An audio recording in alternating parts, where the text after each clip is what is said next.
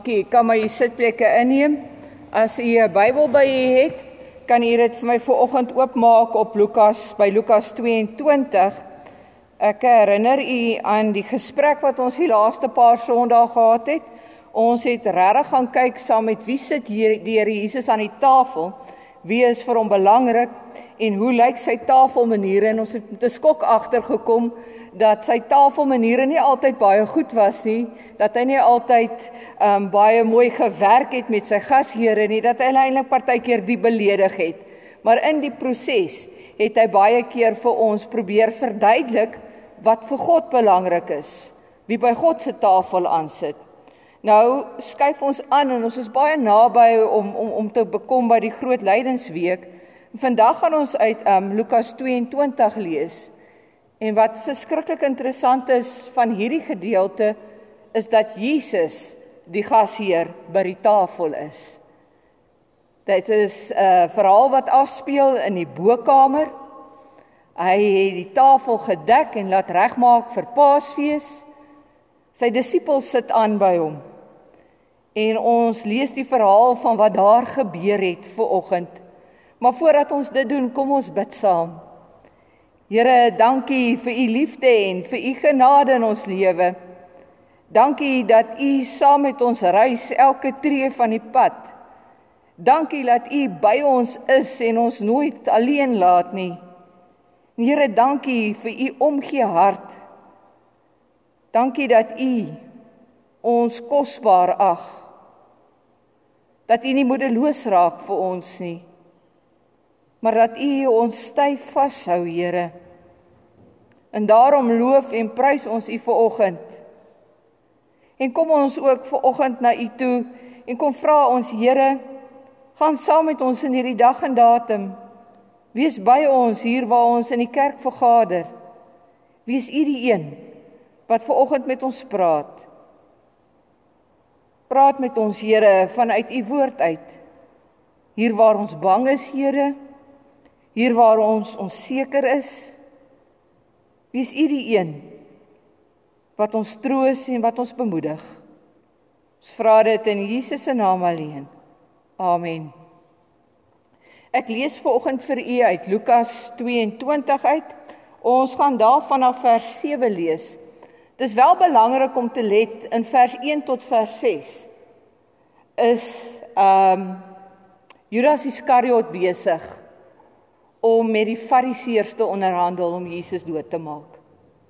So hy is besig om 'n plan te smee om van Jesus ontslae te raak. En dan hier vanaf vers 7.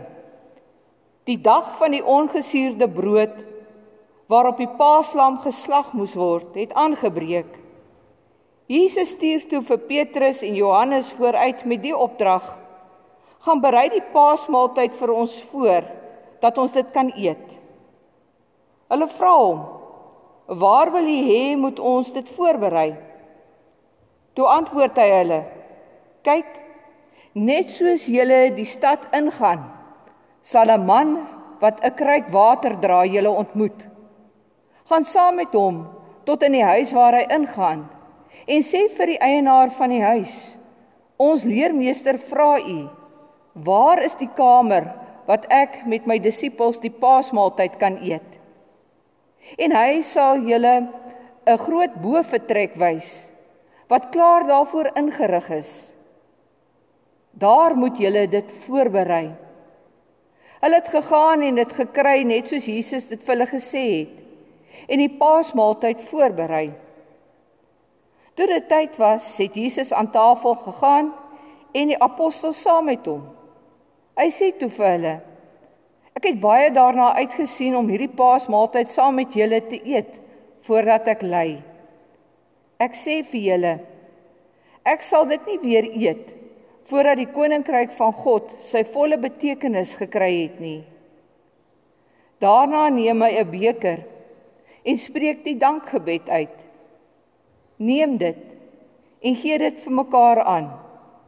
Ek sê vir julle: Ek sal van nou af nie weer wyn drink voordat die koninkryk van God gekom het nie.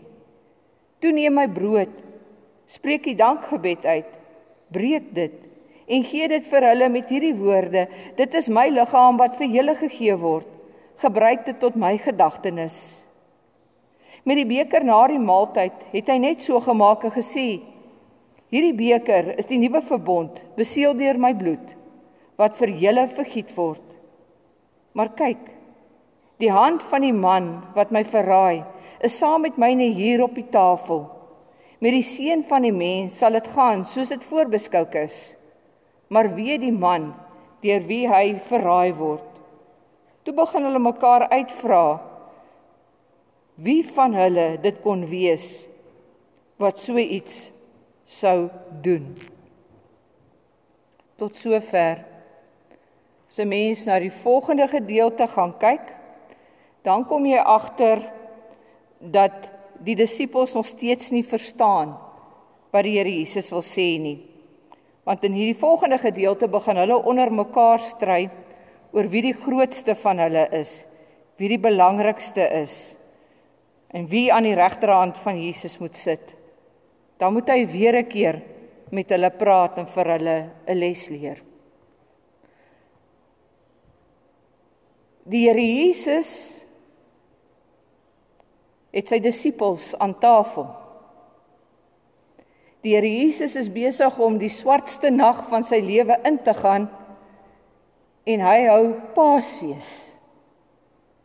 En aan die tafel sit die manne wat saam met hom geloop het vir 3 jaar.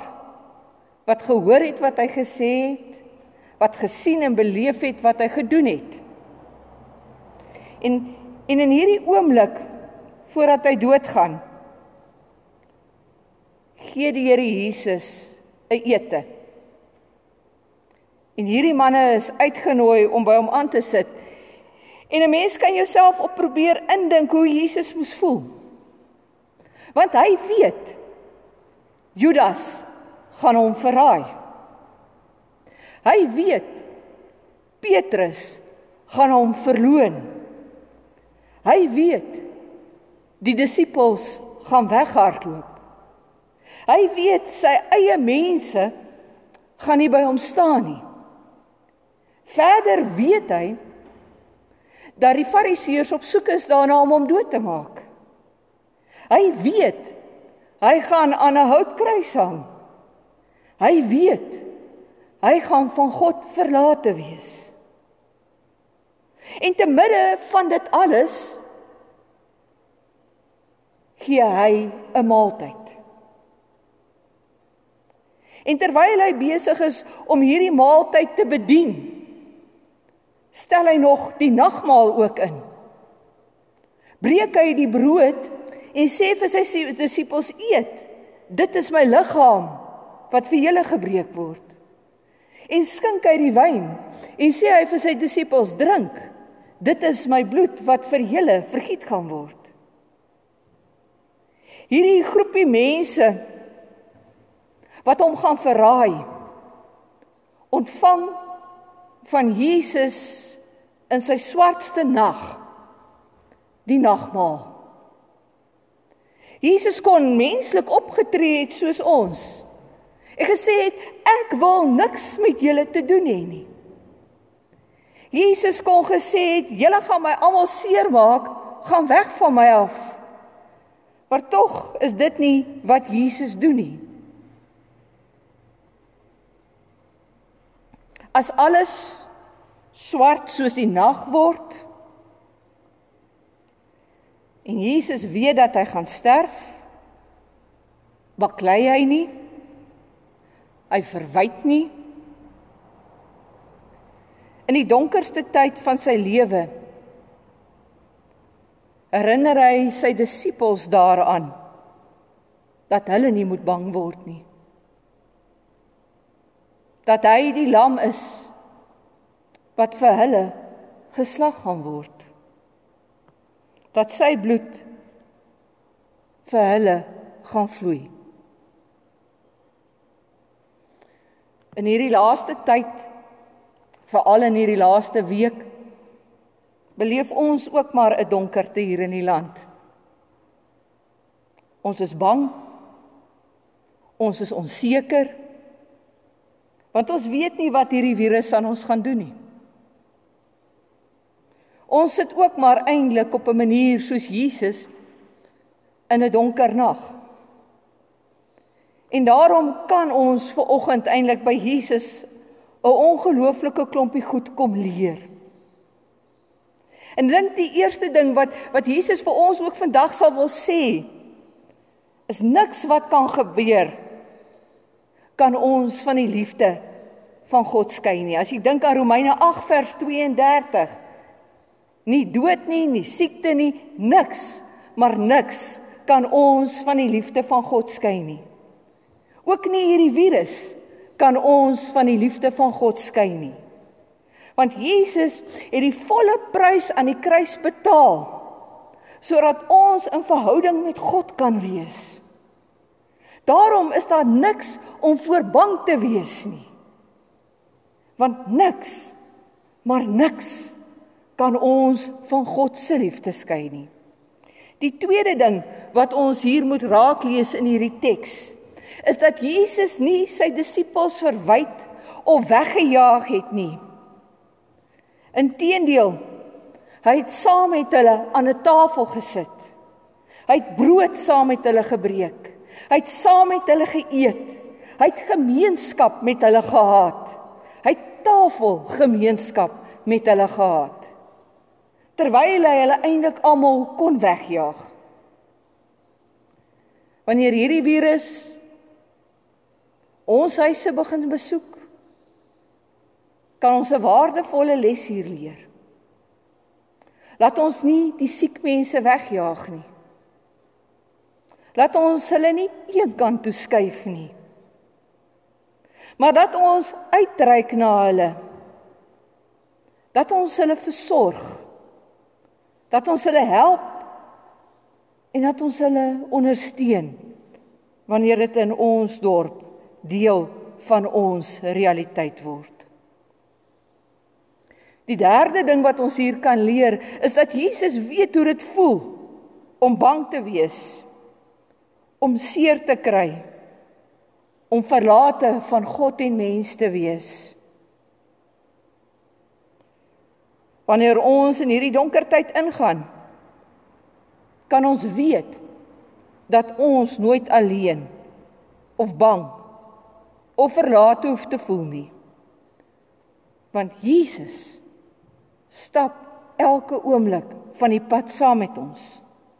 God se gees is in ons en by ons.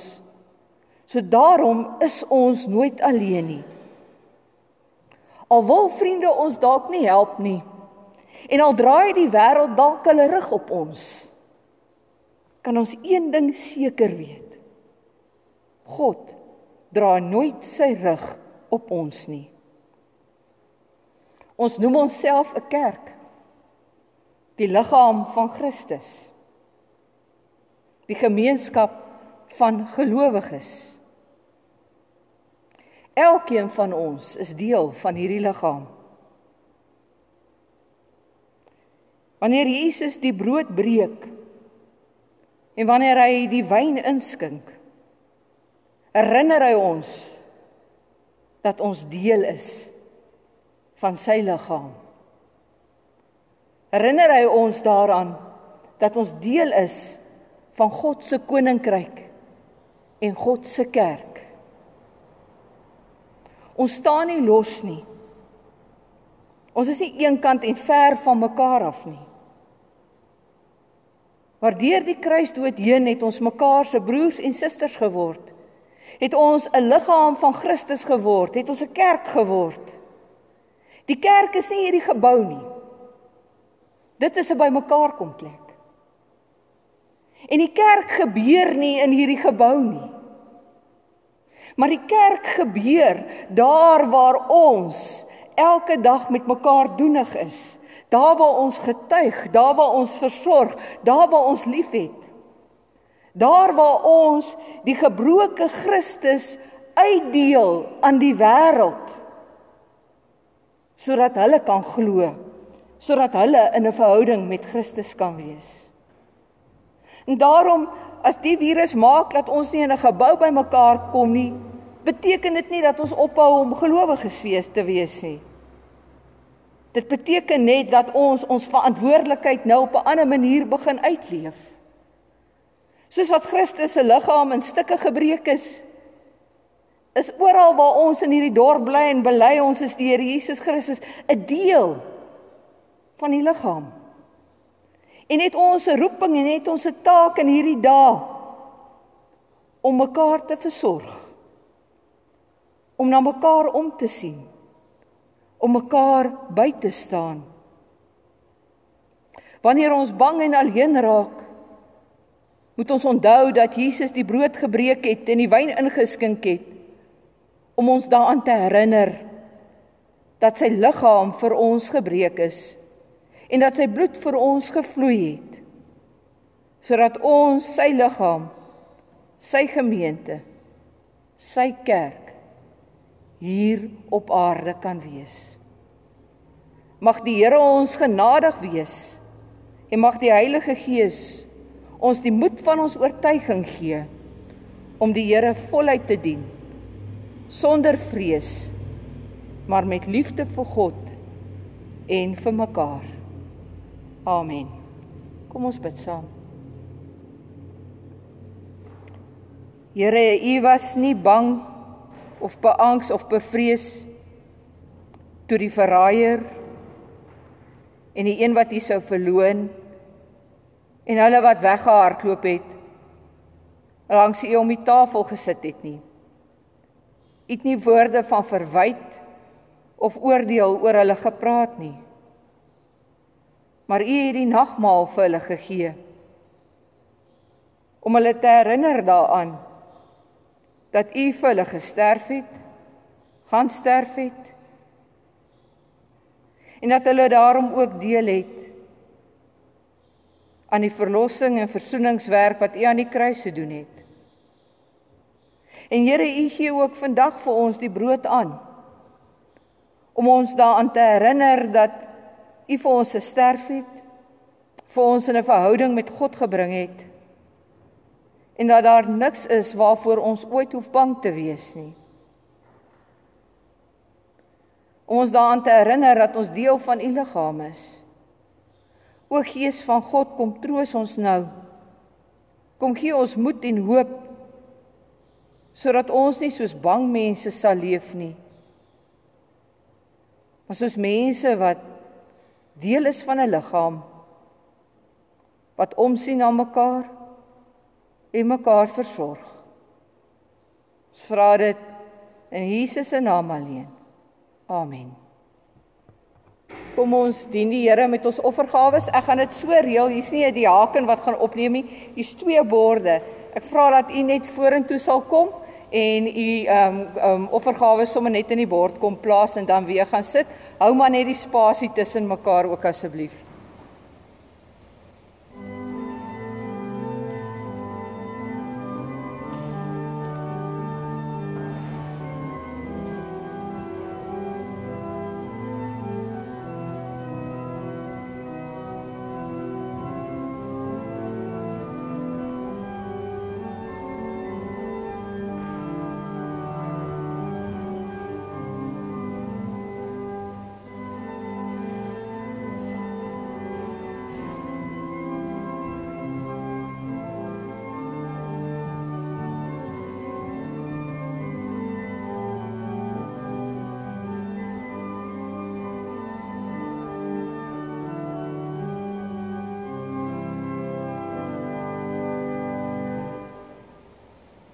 Ek herinner u daaraan as u ook op Facebook na hierdie dienste luister het dat u u offergawe ook via EFT kan oorbetaal na die kerkkantoor toe. U het die besonderhede.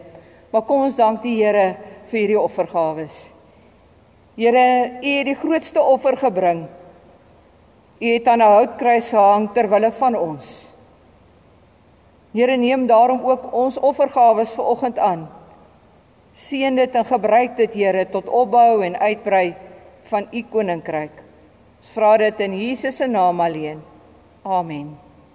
Ons gaan afsluit vir oggend ons slotlied is lied 391 Ons gaan 3 verse daarvan saam sing. Ek het julle net nou lekker hoor sing, so ek weet ons kan sing. Vra net dat ons weer staan en almal hartlik saam sal sing.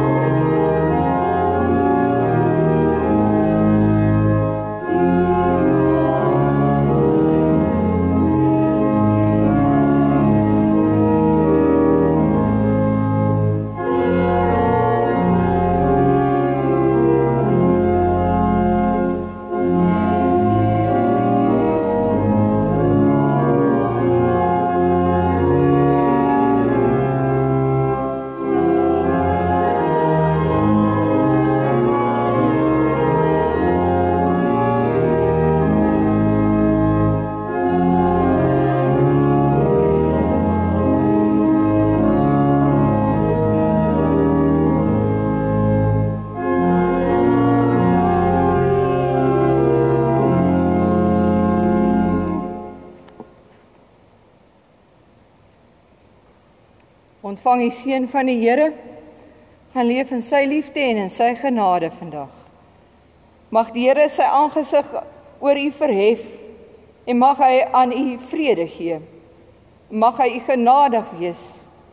Mag hy u gebede verhoor en mag hy verder saam met u gaan nou en altyd. Thank you.